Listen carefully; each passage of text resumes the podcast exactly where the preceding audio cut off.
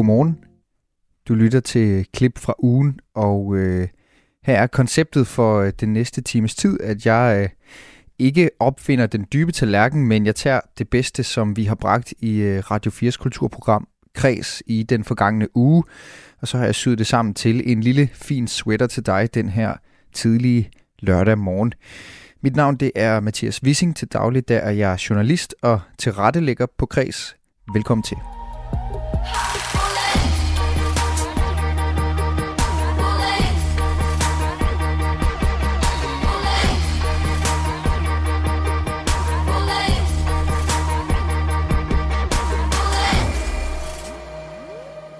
Det første, jeg har i øh, vadmelsækken til dig, det er et klip fra Kreds i tirsdags.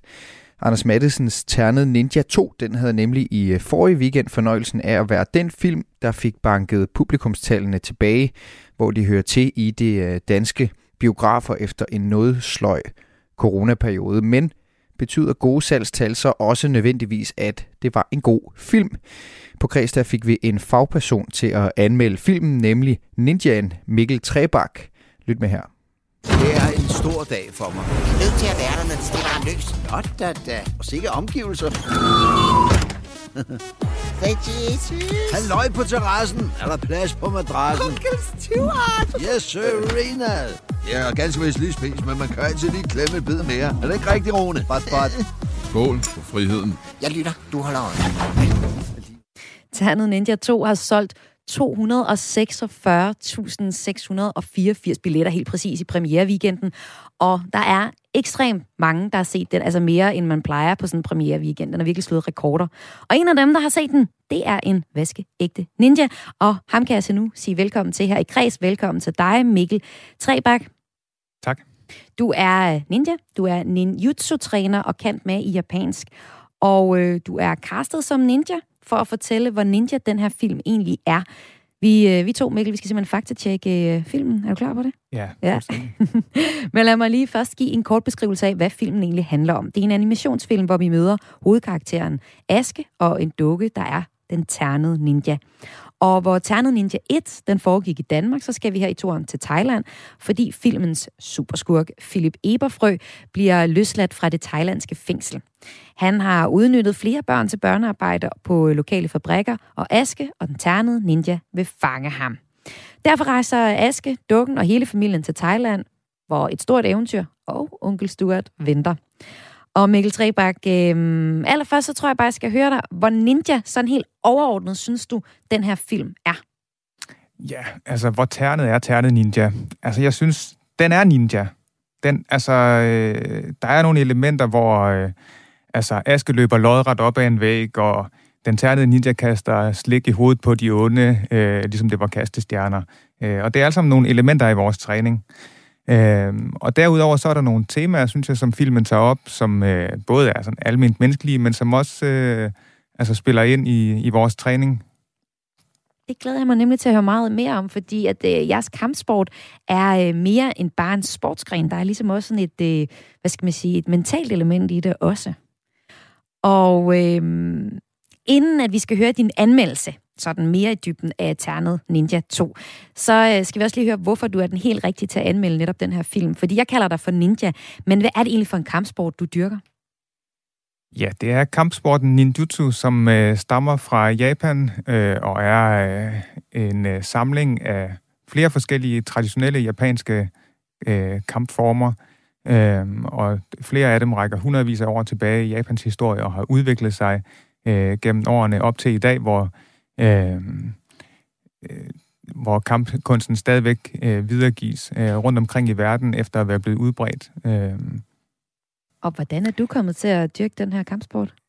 Ja, jeg har dyrket kampsporten siden 1993, og øh, har været mange gange i Japan og trænet med vores stormester derovre. Øh, Altså, og, altså hele kampsportens stormester? Ja. Ja, okay. Øh, Og, og hvordan er den her kampsport øh, opstået? Det er jo ikke sådan helt ny. Nej, man kan sige, at det er baseret på selvforsvar. Mm. Øh, og det betyder også, at der er ikke nogen regler. Øh, til gengæld så gælder øh, naturens love, øh, og ninjutsu opstod faktisk som en opmærksomhed på naturen og øh, omskifteligheder i ens omgivelser, altså årstiderne, vejret og sådan nogle ting. Øh, og det er den her øgede opmærksomhed på ens omgivelser, som øh, gør, at man kan, øh, hvad kan man sige, undgå eller imødekomme eller, eller håndtere, når der er fare på færre. Jeg skal altså lige forstå, altså den der stormester, er det sådan en, der går i arv, eller skal man gøre det? Altså kunne Ja, du også det går blive stormester? Nej, okay, det er arv. Ja, Det er gener. det, nej, altså, den, men den bliver givet, stormestertitlerne bliver givet videre fra generation til generation, og er blevet det nu i 35 generationer for den ældste af vores ninjutsu-skoler. Wow. Er det en sej øh, stormester, I har lige nu? Altså, han, øh, han fylder 90 i år, Ah. og han er først lige holdt op med at træne, så Okay. han er rimelig sej. Okay, han lyder virkelig sej. Kan han også sådan løbe op ad vægge og sådan noget? Det kunne han øh, i sine unge dage. Okay, okay. Nå, Mikkel, lad os øh, dykke ned i film og se på, hvor ninja den egentlig er.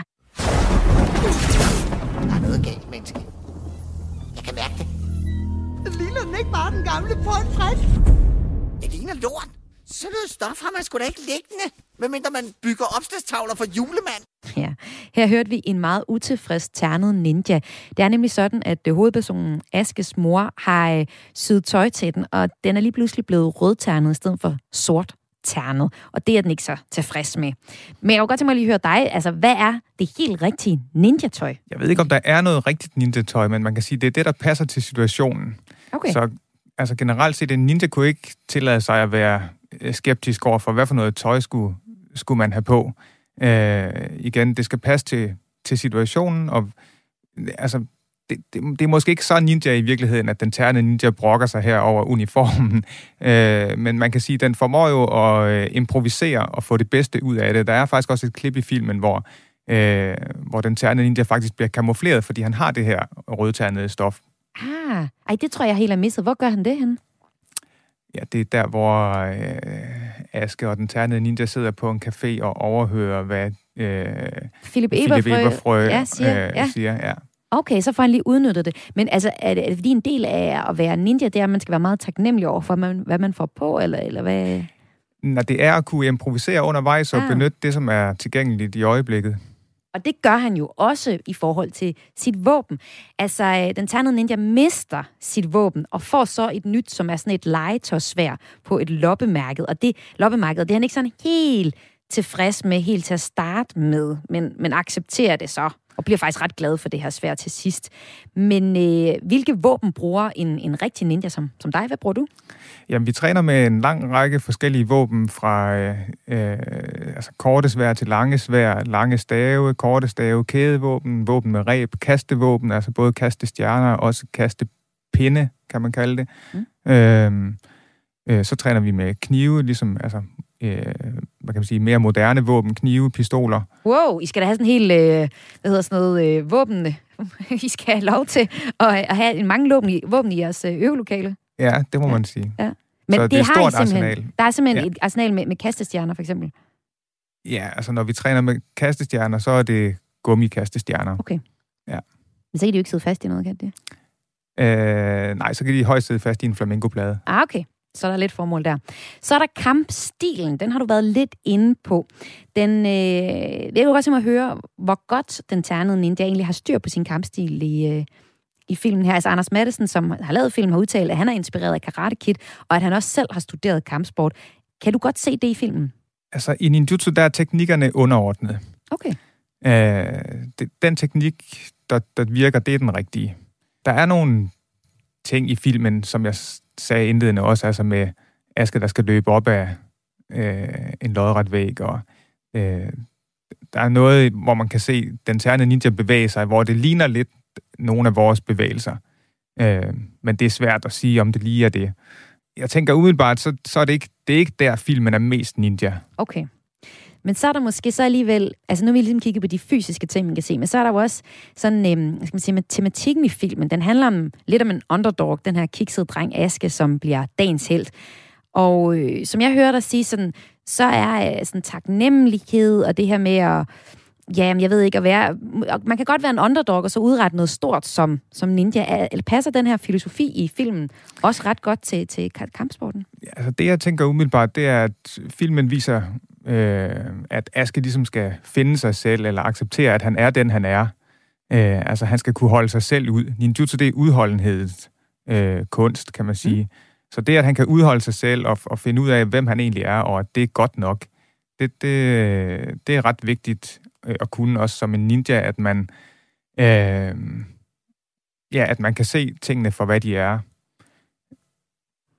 Og, og, og kan se ind af også. Ja, og kan se ind af. Mm. Så hvis man kender sig selv, og man kender modstanderen, så kan man vinde kampen.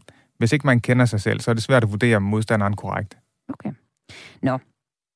Du har øh, nu kommet ind med nogle, på nogle pointer i forhold til filmen. Så er det jo spændende at høre til sidst her, om øh, filmen lever op til at være en ninja-film. Altså, hvor mange stjerner vil du give øh, den her film, Ternet Ninja 2, som ninja? Ja, den kan få øh, fire kastestjerner lige fra hoften. Okay, det var flot. Hvordan kan det være, den får det? Så mange? Jamen, jeg synes, det er en god film, og den tager nogle relevante temaer op. Øh, og så er den underholdende. Øh, og øh, så er det dejligt at se en film også, hvor ninjaen faktisk er en af de gode. Der er også mange ninja-film, hvor ninjaerne det er nogle slemme nogen. Fire kastestjerner lige fra hoften til øh, Ternet Ninja 2 på grund af dens relevante tema, på grund af dens underholdning og for at portrættere ninjaer som de gode for en gang skyld, sagde selvfølgelig ninjaen, som altså også er øh, ninjutsu-træner med en kendt mag i japansk og som hedder Mikkel Trebak. Kredsvært Maja Hall, hun talte faktisk lidt videre om øh, ninjaer i tirsdagsprogrammet. Det gjorde hun med både Mikkel, men også med filmeksperten og projektlederen hos Go Extreme hos Kunsthal Aarhus, undskyld. Peter Ole Pedersen hedder han. Hvis du vil have den snip med, så skal du forbi Kreds som øh, podcast, enten der, hvor du normalt finder dem, eller på Radio 4's website. Gift ved første blik bølgen er adder over os. Og hvis der er en ting, der kan få os til at kline til skærmen, så er det kombinationen af akavet stillhed, kiksede bryllupstaler og knuste hjerter, men også af det håb, der ligger i, om kærligheden lykkes for to mennesker, der bliver sat sammen på baggrund af de kærlighedsprofiler, en række eksperter sætter op. I onsdags der havde vi i kredsbesøg af et af de, for at sige det ærligt, meget få par, der faktisk stadig er sammen, efter de har deltaget i øh, det her reality-program på DR, nemlig Katrine og Michael Harders, der var med i Gift ved første blik, sæson 5. Øh, også parterapeuten Frej Pral, som øh, Radio 4-lyttere måske også vil genkende fra vores fredagsprogram Hjælp jer forældre, var med. Hvordan den nye sæson er kommet i gang, det kan du høre her. Kære Mette, har et match og skal derfor giftes. Stort tillykke. Jeg skal ud med giftes. Endnu en gang har 10 modige singler sagt ja til at kaste sig ud i det ukendte. Du har et match. Og blive gift ved første blik. Jeg er nærmere nervøs lige nu. Pernille. Michael. Hej Michael. Hej. De har lagt deres skæbne i eksperternes hænder. I håbet om at finde deres livs kærlighed. Gift ved første blik er det her program, hvor en gruppe singler har sagt ja til at lade sig gifte med en vidt fremmed person, som en øh, gruppe eksperter har matchet dem med. I år så har eksperterne særligt valgt at skrue op for den seksuelle kemi, kemi mellem parne. Og det har de gjort ved at fokusere på, at ægteskabet skal øh, fungere kortsigtet, hvilket er stik mod, hvad de ellers har gjort i tidlige sæsoner, hvor de ligesom har skulle prøve at få et parforhold på den lange bane til at fungere. Selv så forklarer programredaktøren til, øh, til DR, det har vist sig flere gange, at hvis det ikke fungerer med kemien fra starten, når de aldrig til den lange bane. Og så kan det være lige meget, siger programredaktøren altså. Om det her nu er en god idé for parerne, og godt tv for os ser, og måske noget, vi kan bruge derhjemme, det skal vi tale om i den næste halve time. Men øh, efter at have set første afsnit, så kan jeg allerede sige, at øh, programmet er i hvert fald blevet mere øh, lummert, end øh, jeg har set i tidligere sæsoner. Kan du holde dem her? Så prøver jeg at lade være med at sprøjte for meget. Ellers sprøjt over dig selv, ikke mig. Okay. Så gør jeg det. Endnu. Ja, der bliver fniset rigtig meget her, og det er faktisk bare nogle bobler, som de er i gang med at hælde op i deres glas, da de har mødt hinanden. To par fra Gift ved første blik.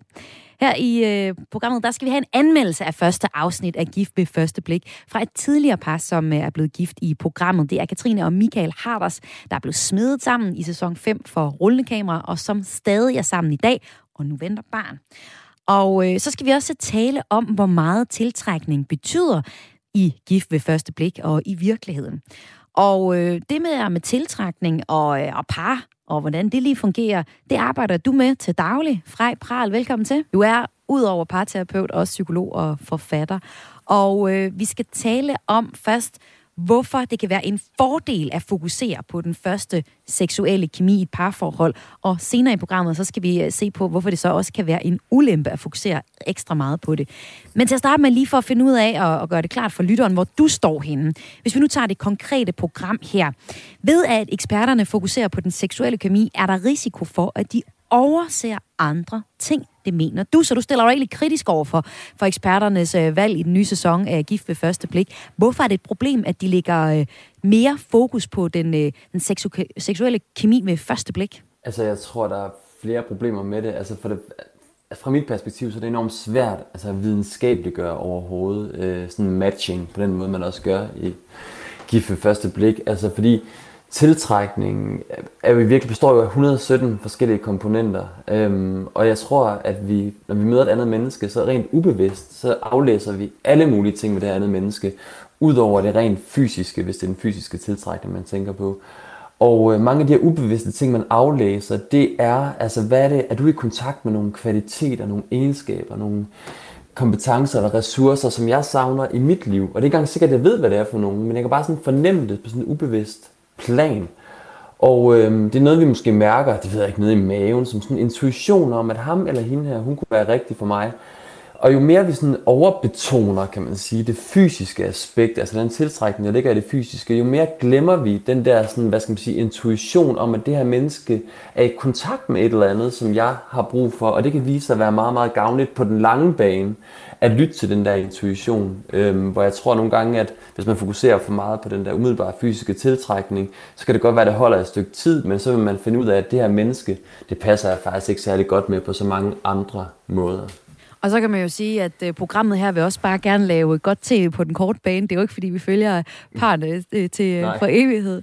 Hvis øh, vi lige tager fat i de to, vi har bedt, så bedt om at, at anmelde øh, første øh, afsnit af den syvende sæson her, så er det Michael Harders og hans kone Katrine Harders. Og øh, Michael, han øh, siger, at det er spændende, at der er fokus på den seksuelle kemi, for øh, det er det, mange af os deltagere tænker på, når vi ser vores match træde ind ad døren til hvilesen. Det øh, siger han her, og ja, Katrine, hun er helt enig.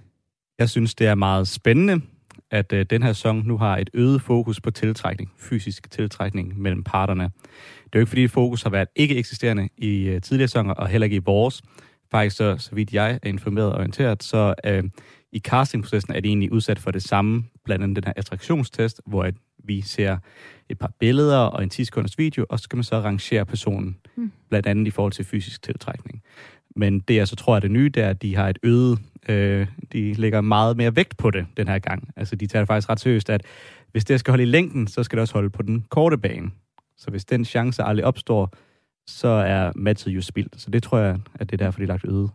Jeg er meget, meget enig med dig i, øh, i det syn på attraktion, og hvad det egentlig betyder for programmet. Og jeg tror desværre, at der er mange, der har misforstået det som om, at øh, åh, nu skal vi have nogle par, der knaller, og det skal blive sådan lidt et, et, et, et uh, reality-format, der minder mere om noget, vi, vi ser på andre kanaler. Og der tror jeg bare, at, at den her øget fokus på tiltrækning netop handler om, jamen, der skal være noget, der vækker en interesse med det samme. Der skal ikke kun være et potentiale for at kunne kommunikere godt sammen og have de samme værdier og ønske de samme ting for fremtiden.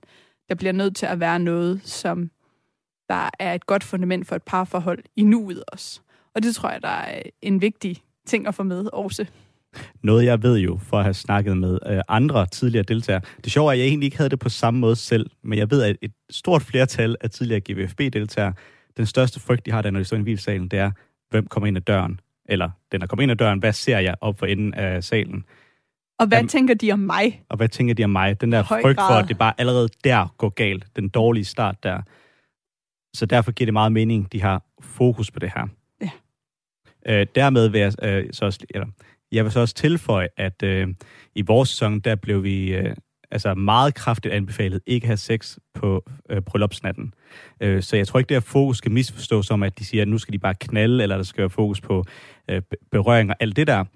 Øh, det kan komme med det, Men jeg tror bare, det er godt, at gnisten er der, og man kan se potentiale for, okay, jeg har lyst til at fløte Mm. og kysse med den her person her.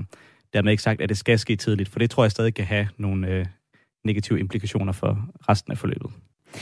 Den seksuelle kemi bliver altid i gift ved første blik rigtig tydelig, når der skal tages bryllupsbilleder, synes jeg. Det er øh, på en gang enormt sødt, fordi øh, på sådan et bryllupsbillede, der skal man jo til at stå tæt, og det skal de sådan for første gang. På den anden side, så er det også enormt tokrummende, fordi ikke alle har det lige lækkert med at stå så tæt på et menneske, de ikke kender, og det gælder også i den her sæson. Altså det, der foregår, det er, at det er en fotograf, øh, som kommer og skal tage bryllupsbilleder, efter de er blevet gift, de her par, og han beder dem altid om at, at stille sig tæt, og lige lidt tættere, og lige lidt tættere på hinanden, og kan du sådan lige give røre hinandens næser, så det bliver virkelig intimt. Og det er jo så både for at få et godt foto, men også måske lige til at få dem øh, til at røre hinanden en lille smule. Og det reagerer parne ret forskelligt på. Jeg har fundet to eksempler, som vores anmeldere, altså de her tidligere gift ved første blik deltagere, Katrine og Michael Harders, genhører og så kommenterer de på det. Og øh, her er det først en scene med parret Christina og Michael, ja, han hedder også Michael, hvor øh, Gommen får lagt sin hånd på en vis kropsdel lige lidt hurtigere, end Christina synes. Jeg er ikke bange for at komme tæt på andre mennesker. Men det var selvfølgelig en smule intimiderende at være så tæt, at man skulle stå og holde om et, et fremmed menneske og stå og kigge ind i øjnene. Altså, det kunne vi jo ikke engang, fordi så tæt stod vi. Højre hånd må du gerne bare have om bagved hende. Den der. Ja. På min røv. Det går lidt hurtigt, hva'? Er du har, lidt, har du lidt var- var- eller hvad? Nej, nej, nej. det var ham, der sagde det jo.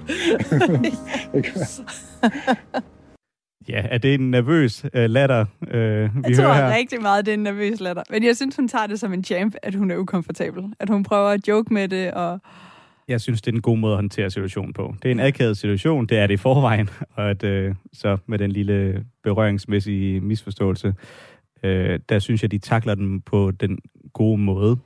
Øh, det synes jeg også. Og jeg tænker også, der er noget med, at dem, man rører ved, dem har man det anderledes med, end dem, man ikke rører ved. Så øh, på en eller anden måde, så synes jeg egentlig også, det er fint, at man får taget de der bryllupsbilleder tidligt, og man kommer lidt ukomfortabelt tæt på hinanden. Fordi så er den der barriere med at have berøring ligesom nedbrudt.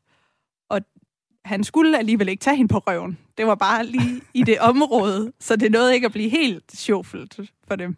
Ej, det gjorde det. Og jeg er enig i vigtigheden af berøring. Øh, det var også noget, vi har snakket om i forhold til vores sang, at det, at vi hurtigt tog hinanden i hånden, bare, bare sådan en simpel lille gestus, kan betyde ret, ret meget for at få nedbrudt nogle mure.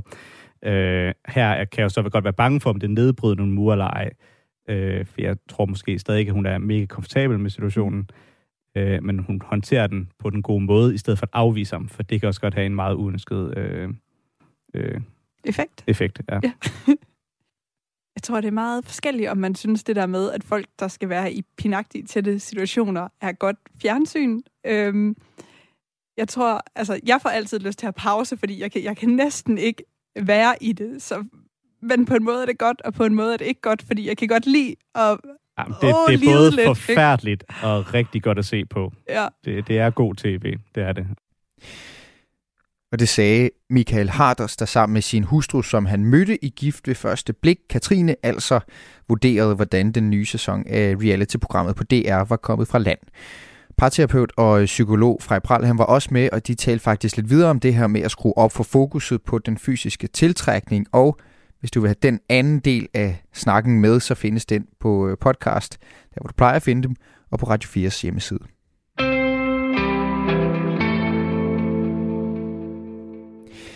Mit navn er Mathias Wissing. Til daglig er jeg journalist og tilrettelægger på Kreds, men her til morgen der laver jeg klip fra ugen, hvor jeg præsenterer et øh, lille udvalg af de bedste indslag, vi har haft i den forgangne uge. Jeg skal omkring torsdagens udsendelse nu, for den handlede blandt andet om en væske, jeg har nedsunket i rigelige mængder på den aarhusianske bar Sway, nemlig gulddamer. Måske ser du den for dig, når jeg siger det. Hvis ikke, så kan jeg beskrive øllen. Den er en gylden dåse med en etiket, hvor man ser en silhuet af en meget veldrejet kvinde, som står med en bakke i hånden, hvor der står en øl på. Lidt meta-etiket, men sådan ser den faktisk ikke ud længere. Den historie, den foldede kredsvært Maja ud med Kvinfo, og den kan du høre her.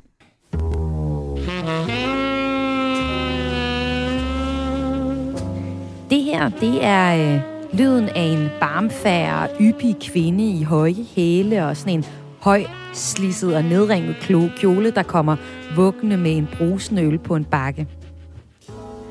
Sådan var reklamen i, øh, på TV3 for Tuborg Guld, bedre kendt som Den Gyldne Dame, tilbage i 96. Reklamen den slutter sådan med, en, øh, at der kommer sådan en rød, nærmest erotisk skrift op på skærmen, hvor der står Tag mig efter filmen. Og øh, siden dengang, ja, så er de her gulddærmer jo nærmest blevet kult. Det er sådan noget, der for eksempel findes øh, på Skanderborg Festival, så har der en, en hel lejr, der bare øh, hylder øh, gulddamen. Og øh, altså, Folk er, folk er glade for den, og den er sådan lidt ikonisk, den her ikette. Men næste gang du snupper en gulddame fra Bilkas ølsortiment, så ser det en lille smule anderledes ud. Carlsberg, som laver den her Tuborg Guld, har nemlig fjernet den bakke, som gulddamen normalt har i hånden. Og så har de erstattet det med en øl, som står bare med en øl i hånden.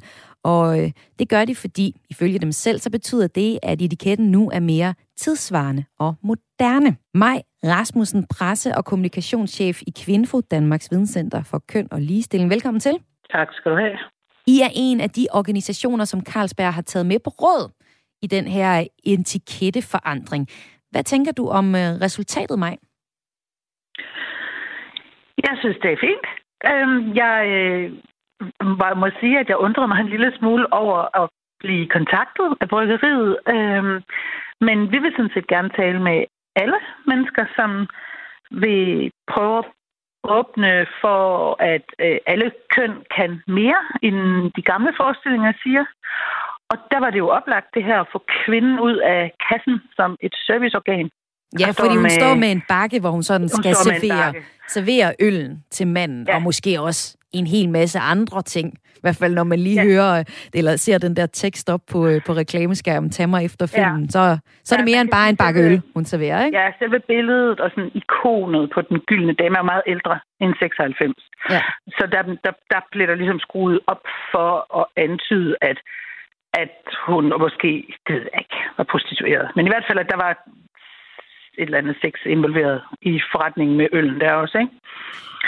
Øhm, ja, så på den måde, så synes jeg jo, at den viser en anden den viser en anden rolle, eller en, nu, hvor at øh, kvinden i stedet for at være service, som serverer øl til nogle andre, og ellers er uden for festen, så er hun med i festen. Hun står med sin egen øl. Og det synes jeg faktisk er meget godt billede på meget af det, som sker i forhold til at bryde ja, altså kønsstereotyper, siger man jo. Men i hvert fald til at holde op med at putte folk i kasser. Øhm, sådan at en kvinde kun er en, der servicerer og passer hjemmet og er pæn, og en, en mand kun er barsk og ham, der skaffer pengene. Og så, at de fleste af os vil gerne have mange flere strenge at spille på. Og øhm, ja, altså jeg kan lige så godt øh, blankt indrømme, at jeg ved ikke noget om ølsalg, men sådan set fra min position, så kunne jeg da godt... Øh, altså jeg synes, det er en god idé at vise mennesker med flere facetter. Så du er jo egentlig Og så- for en ændring, og du er blevet, I er blevet spurgt til råds til, hvordan ændringen skulle være, men du var overrasket over, at du blev kontaktet. Hvorfor? Jamen, det er jo bare fordi, det er jo et kommercielt produkt, og det, altså, det er ligestilling jo egentlig ikke som sådan, kan man sige. Det er jo en rettighed, og det er det, vi arbejder med, ikke? Men har I ikke også en opgave at ændre selv de kommercielle store virksomheder som organisation? Øh, rah, det er måske at tage munden lidt for fuld, mm. men, men vi vil gerne tale med dem, og det, vi har jo gjort det over... Altså i mange år har vi jo talt med erhvervslivet og arbejdet sammen med dem om alle mulige forskellige udviklinger og forandringer hos dem, fordi de jo godt ved, at hvis de sørger for, for eksempel, at have, det er faktisk meget konkret, hvis de sørger for at have nogle arbejdspladser, som er behagelige, rare at være på, hvor man føler sig tryg, så er der flere folk, der søger hen til dem. Så kan de få dygtigere ansatte, flere forskellige ansatte. I det hele taget kan de lave bedre arbejdspladser, som laver bedre produkter, som tjener flere penge. Det har været sådan øh, en stor diskussion inden for ligestilling og, og, og køn, hvad køn kan. Ikke? Nu er det bare sådan øh, en øl. Altså, det havde jeg måske bare ikke tænkt på, men det er jo meget interessant, at, at, der, at, at øh, bryggeriets hårde markedsanalyse ser, at der er faktisk også et kommercielt marked for det. Det er jo ja. interessant for mig Ja. at finde ud af på den her omvendte måde. Ikke? Og mig, det er jo så endt med øh, en, en øh, kvinde, der står og holder en øl i hånden, i stedet for at servere øl til for eksempel mænd. Men øh, ja, du tøver også lidt selv, hvor stor betydning gør det må egentlig? I det store jeg billede? Tror, det, i jeres sag? jeg, jeg tror, det både har en ganske lille betydning og en rigtig stor betydning. Ja, hvordan stor betydning? Fordi, ja, fordi det, for det, altså, man kan sige helt konkret, så taler vi to om det nu. Mm. Så nu er den her historie ude, at vi er færdige med kvinden som en, der er øh, klædt i en højslidset kjole, serverer noget for nogle andre. Øhm, plus, hvad er det så, en kvinde kan nu og har lov til at ret til at bare kan gøre og føle sig fri i verden? Nu har vi faktisk den diskussion lige nu. Der kommer jo sandsynligvis, ved at tro, øh, reklamer i biografen og på busstoppesteder og alt sådan noget. Så sætter det måske også nogle diskussioner i gang derude. Nogen vil være ærgerlige over, at man har pillet ved et meget smukt gammelt billede, og andre vil synes, det er fandme fedt. Ja. Undskyld, jeg kom til at bande. Ja. Så der, altså, det sætter jo nogle diskussioner i gang. Og så på den lidt mere tørre, der, der ved vi jo bare, at det der med, at mennesker kan se sig selv i forskel, afspejlet i forskellige situationer, det er rigtig vigtigt. Altså, det er jo det sådan en, som vores gamle minister nu, EU-kommissær Margrethe Vestager, siger. Hun træder frem som en kvinde i kjole, altid på billederne af toppolitikere i Europa. Fordi så kan andre mennesker, som går i kjole, genkende sig selv og se, de kan også have magten. Ja. Og det der med at vise mange forskellige billeder af menneskers liv, det er vigtigt. Og nu siger du, det øh, kan måske være med til at sætte øh, gang i en større øh, samtale om, hvad, øh, ja, hvad det er for nogle øh, stereotyper, vi øh, ser i det øh, offentlige rum. Vi har været mm. ude på gaden for at høre folk om, hvad de mener om øh, ændringen. Og lad os bare lige høre nogle øh, mennesker her. Altså, at nu serverer hun ikke øl længere, men nu drikker hun den selv. Jamen, det er vel fair nok. Det gør hun vel også sådan i virkeligheden. Så øh, tillykke med det. Altså, jeg synes, det er godt, at vi begynder at afseksualisere kvinder og ikke bruge det som en markedsføringsstrategi. Ja, det er med til at ændre vores kultur, så det synes jeg er en god ting. Altså, man er vel øh, bange for at vise en sådan en lille smule mere udfordrende. Der er vel gået MeToo i det. det synes jeg ikke er, er ret lækkert. Vi er en, øh, nu er vi nødt til at snakke Skanderborg, smukfest, hvor vi er en hel flok, som øh, går virkelig, virkelig, virkelig op i gulddamer og alting. Og hun, det logo der, det skal bare bibeholdes. Lækre dame, ikke? Så det er jo forfærdeligt. Det må man ikke. Og jeg vidste ikke faktisk. Det synes jeg ikke, der er nogen grund til. Fordi at øh, jeg kan ikke se noget, altså jeg kan også se, at hun har lidt større bryster og så videre, men, øh, men det er ikke lige det, jeg lægger mærke til som det første. Så det er, i de her tider, der kan man næsten ikke øh, fremstille øh, en kvinde, som hun ser ud, øh, uden at man skal tænke på, på sex, øh, tror man. Det gør jeg ikke lige umiddelbart. Så. Der er en, der siger, øh, der er gået MeToo i den. Maj Rasmussen, er det ved at være svært for jer at øh, komme ud med jeres budskab, når det her det er reaktionerne? Øh, nej, det tror jeg da slet ikke, man kan sige. Nej, det tror jeg da ikke. Men det, folk, de er jo altså, sådan det... lidt, pff, hvorfor skal vi nu også ændre ja. på det her? Ja, men det kan man jo svare på på mange forskellige måder. Jeg tror, bryggeriet vil sige, at det skal vi gøre, fordi så tjener vi flere penge. Og så er vi med i, i uh, nutiden, ikke? Og jeg vil jo bare sige, at du skal ikke... at mm, jeg tænker faktisk lidt om de to der, som ikke kunne lide det, om de har set den nye etikette. Fordi det, altså, der det har er de. Vi præsenterede dem for både den gamle og den nye, ja. Okay, fordi det synes jeg faktisk også er lidt interessant, at, at vi har... Øh, at vi har at gøre med en tegning, som jo er meget smuk, og som så bare er, er er blevet øh, opdateret til 2021. Øhm, så det der med, at de synes, at, at den skal væk og har ødelagt og sådan noget, det, jeg kan ikke, det kan jeg ikke rigtig se. Altså medmindre man ikke synes, at, at kvinder skal være med til festen og, og drikke øl, hvis de har lyst til det. Øh, så, så tænker jeg, at den kritik måske er lidt, lidt voldsom, fordi det er jo stadigvæk en meget svungen dame, der står på, på etiketten, og det synes jeg egentlig er interessant, at øh, bryggeriet har valgt at lave hold fast i den gamle æstetik, men så lige lave sådan en lille prik til os og sige, vi synes også, hun er smuk og, og æstetisk smuk og alt muligt. Hun har sit eget liv nu. Hun kan selv bestemme, hvad hun vil. Og det tænker jeg er, ja, det er jo så udfordrende for de to sidste personer, som I har talt med. Men øh, jeg synes, det var meget nutidigt i forhold til, øh, hvordan øh, ja, hvordan vi opfatter kønnene som mere end sådan noget helt fastlåst og det i en kasse, hvor man kun kan være enten det ene eller det andet. Maja Rasmussen, tak fordi du var med i Græs i dag. Velbekomme. Altså presser- og kommunikationschef i Kvinfo. Du lytter til et klip fra ugen, programmet, der bringer ugens bedste indslag fra Radio 4's kulturprogram Kreds. Mit navn det er Mathias Wissing, og jeg er den syrske, der har sat det hele sammen den her lørdag morgen. Jeg har et enkelt klip tilbage på klippekortet, før jeg runder af for i dag.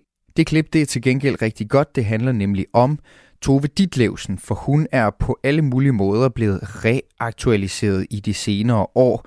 Blandt andet jo med det her store øh, gennembrud i USA. Og i den her uge, der genudgav Gyldendal så to af hendes stiksamlinger, og det fik også på kreds til at vælge at tage temperaturen på Tove-feberen. Der brænder et lys i natten.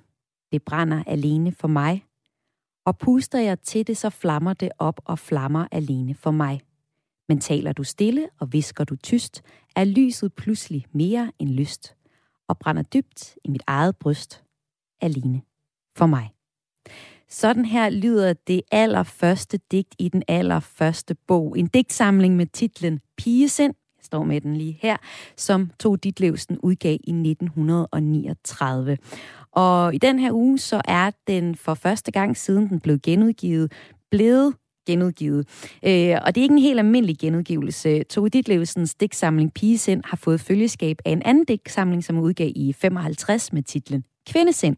Og sammen så udgør de nu en bog, man kan sige, en slags vendebog. Og jamen, jeg står med bogen her, den er øh, virkelig øh, rigtig fin. Altså på forsiden, øh, kigger på forsiden, der er til digtsamling Pigesind. Så kan jeg vende den om, og på bagsiden, så er det så forsiden til kvindesind, og så er den så rigtig fint øh, øh, dekoreret med originale illustrationer af Arne Ungermand på begge forsider. Og det er forlaget Gyldendal, som står bag genudgivelsen her, og der arbejder du, Christine Friis Jensen. Velkommen til Kreds. Tusind tak. Jo, er det fint nok med oplæsningen? Det var meget smukt. Okay, tak. Og du ved en masse om det. Du er jo redaktør for skønlitteratur og har læst Tove Ditlevsen siden du var 11 år gammel. Og i den øh, første del af samtalen om øh, den her nye genudgivelse, der skal vi dykke lidt med i de her digte, som I har genudgivet. Men først, øh, Christine, hvorfor har I valgt overhovedet at genudgive lige præcis Tove Ditlevsens digte nu? Det gør vi jo først og fremmest, fordi vi elsker de her bøger og elsker Tove Ditlevsen. Og endnu mere lykkeligt, så kan vi jo se, at det gør verden også. Øh, Tove Ditlevsens stemme rækker på en eller anden måde ud efter os, og vi kan forbinde os med hende på tværs af alle de år, der er gået. Øh, på tværs af alder og køn, og også geografi viser det sig nu, hvor hun også har fået sit internationale gennembrud. Øh, og så synes vi jo, at pigesind og kvindesind er hovedværker i dansk litteratur. Øhm, og nu skal de altså være tilgængelige på denne her måde. Ja, det er med, det, hun er også kommet til udlandet. Jeg tror, det er et halvt år siden, så var overskriften øh, Død i 44 år. Nu øh, opdager de hende i USA, men hvor hun simpelthen er blevet, hvor I har fået hende til USA. Altså, hvor øh, øh, Københavner-trilogien, øh, altså tre bøger af Tove Ditlevsen, er blevet øh, samlet og, og så udgivet øh, på det amerikanske marked. Og øh, det, vi skal tale om i, altså i, den, i den første del her, det er Først og fremmest, hvorfor I, I genudgiver pigesind og kvindesind, og hvad det er for en slags digtsamling. Og lidt senere, så skal vi øh, høre, en, har jeg en ekstra gæst med os, der, øh, der skal tale med os om, hvorfor at Tove Ditlevsen find, vind, fortsat vinder indpas her i 2021, og hvad det egentlig er helt særligt, hendes digte kan. Og øh, altså, den store interesse for Tove Ditlevsen netop nu, det vender vi altså tilbage til senere. Men hvis vi nu vender blikket mod digtsamling her, altså Tove Ditlevsen debuterede som forfatter ved Pigesind i 39. Hendes digtsamling øh, Kvindesind kom så senere i 55, og den sidste, den modtog hun de gyldne laverbær for. Pigesind og Kvindesind har I valgt at genudgive i én bog, fordi de sådan til sammen illustrerer essensen af Tove Ditlevsen som digter. Hvordan gør de det? Ja, det kan man måske godt sige, de gør.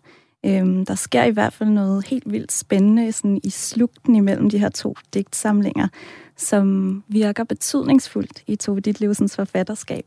Øhm, der sker jo først og fremmest den her bevægelse fra pige til kvinde.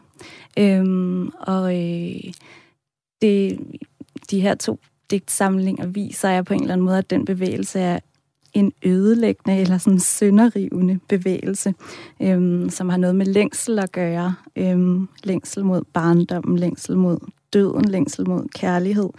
Øhm, nogle temaer, som går igen i hele Tove Ditlevsens forfatterskab sammen med det her ødelæggelsesmotiv. Derfor er de vildt spændende at se sammen på den her måde, synes vi.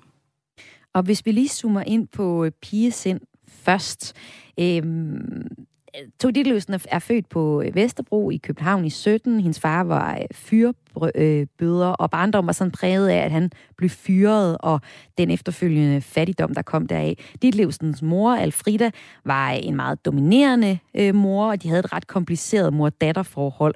Og de her ting er noget, som øh, Tove skriver om allerede, ja, i, da hun faktisk, hun er kun 22 år, da hun øh, udgiver Pigesind, og øh, hun starter med at skrive som 12-årig, og skriver digte, og det er sådan en frirum fra de her trange kår, og den ikke særlig søde mor. Men hvad er det for en slags digtsamling, vi, øh, vi får med Pigesind? Mm, I Pigesind, der møder vi jo først og fremmest de her meget enkle, sådan umiddelbart lette digte, tit består de af sådan en håndfuld fire strofede øhm, vers mm. med, med enderim, øhm, som, som har den her meget genkendelige, det meget genkendeligt hverdagsligt univers. Øhm, men så mærker man også ret hurtigt, at der er øh, noget på spil. Der er sådan en lille dæmoni eller et lille drilsk smil gemt i dem alle sammen. Øhm, et, et ret voldsomt mørke.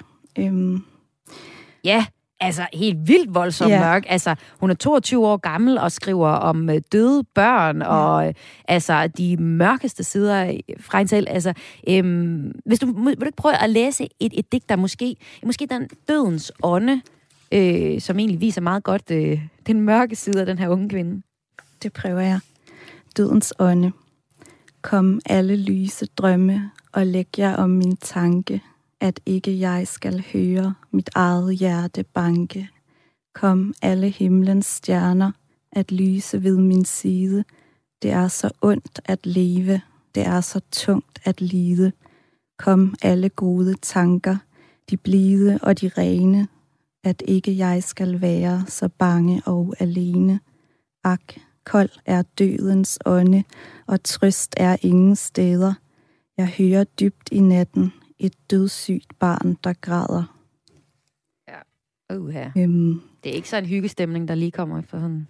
det er jo et helt vildt, det, Ja. det her, som er formet som sådan en bøn, sådan en ung pige, der bare anråber ja. øh, de lyse drømme og stjernerne, for at de skal dulme hendes angst. Og ja, vi er inde i sådan et utroligt...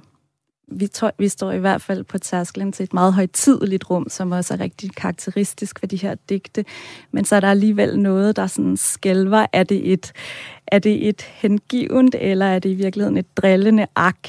Øhm, der er sådan et eller andet lidt groteskt ved det i hvert fald, ikke? Og så falder vores øjne på det der dødssyge barn, der græder. Øhm, hvem er det egentlig, der dør her? Øh, på den måde så spiller digtene øh, ofte sådan en hel masse po- poler eller positioner op imod hinanden, og det er vildt spændende at være i.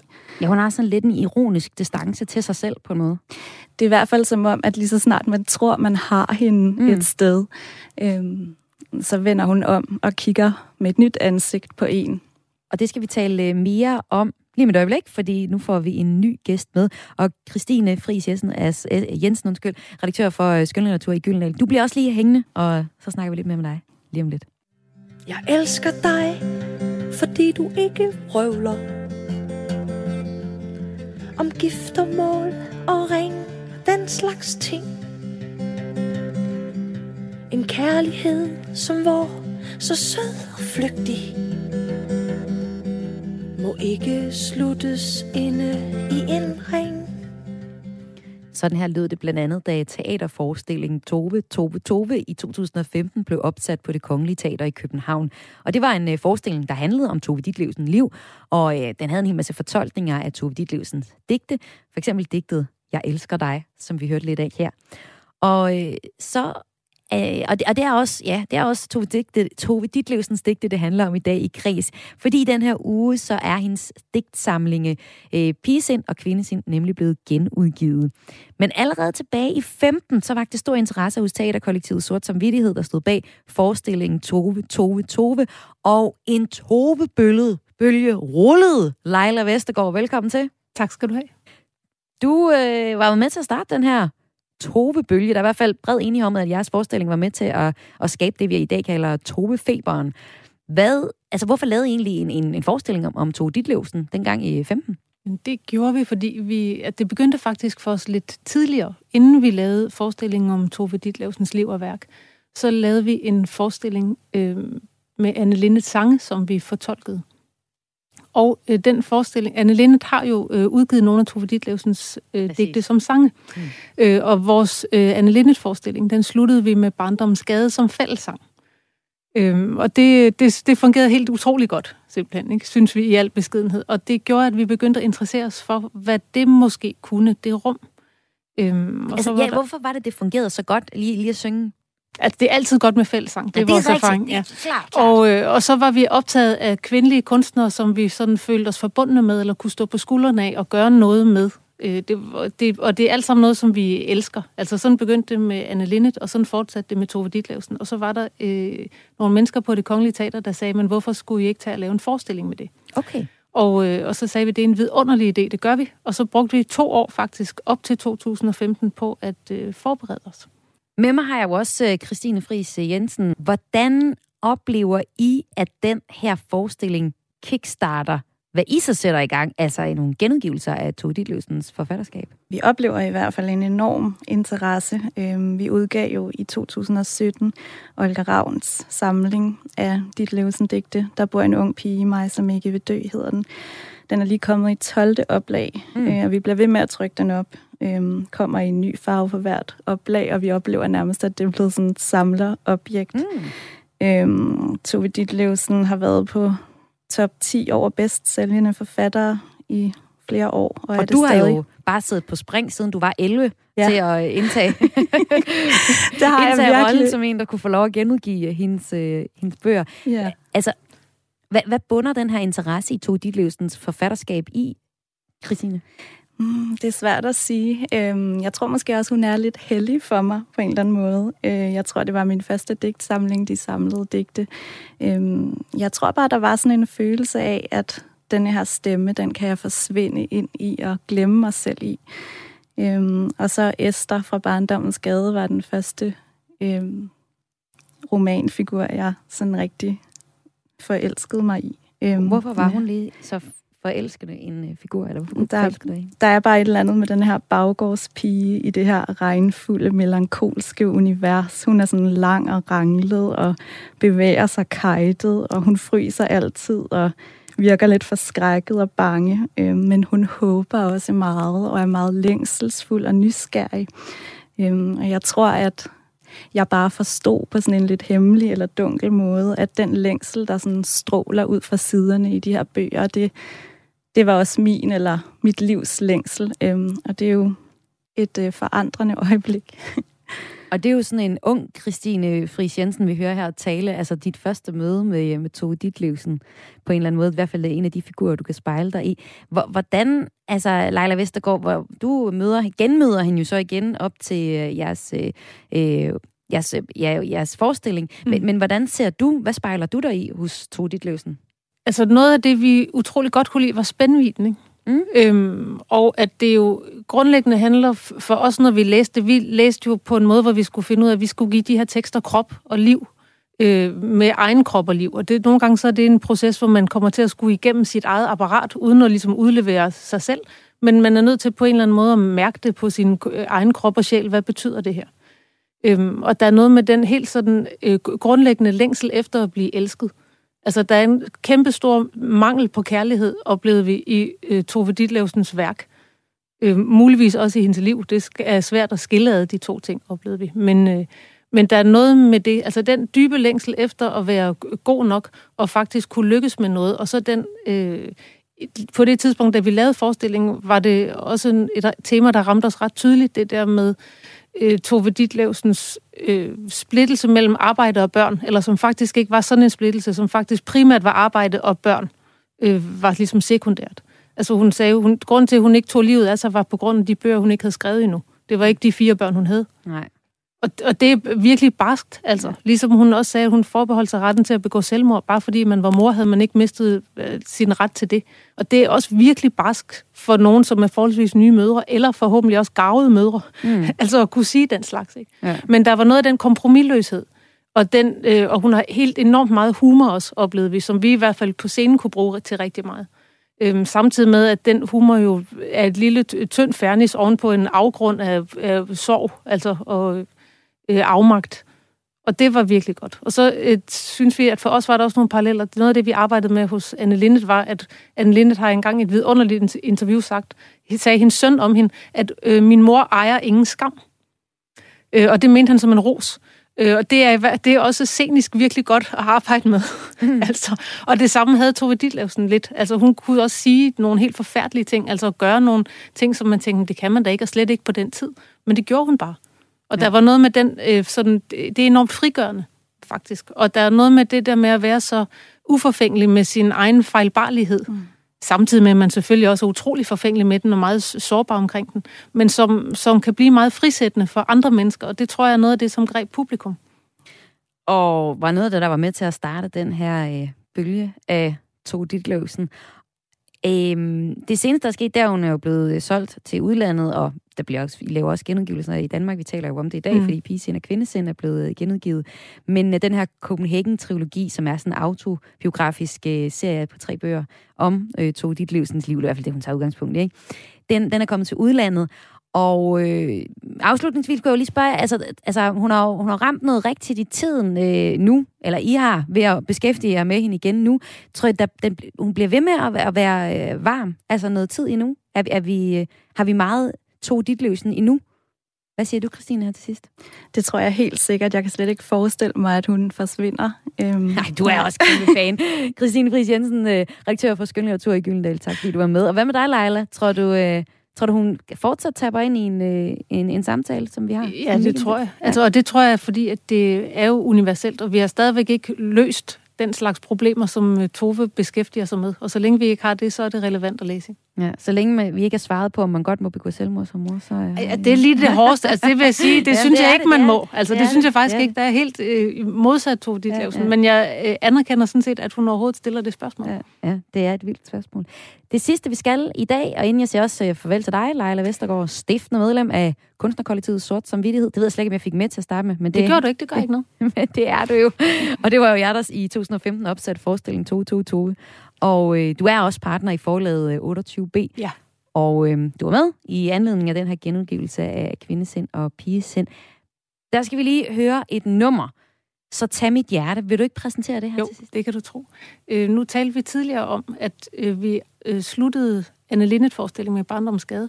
Og Tove Ditlevsen-forestillingen, den sluttede med det her nummer, som Jeanette Albæk har skrevet og også synger på. Og det kommer her. Tak fordi du var med. Selv tak. Så tag mit hjerte i dine hænder Men tag det varsomt og tag det blidt. Det røde hjerte, nu er det dit. Det slår så roligt, det slår så dæmpet For det har elsket, og det har lidt. Nu er det stille nu er det dit. Og det kan såres, og det kan sejne, og det kan glemme og glemme tit. Men glemmer aldrig, at det er dit. Det var så stærkt og så stolt mit hjerte, det så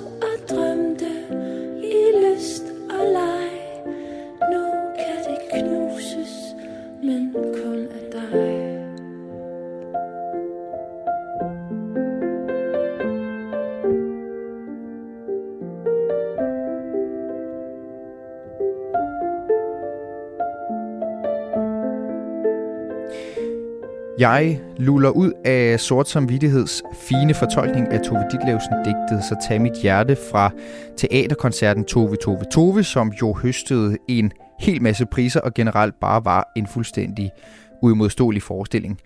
Dermed så får Tove Ditlevsen også denne gang det sidste ord. Jeg har nemlig ikke mere på min øh, hitliste over det bedste fra kreds. Den her uge, du kan som altid finde alle udsendelser af programmet, og selvfølgelig de andre Radio 4-programmer som øh, podcast, der hvor du plejer, og på www.radio4.dk. Mit navn, det er Mathias Wissing. Jeg mangler kun at ønske dig en rigtig god lørdag morgen.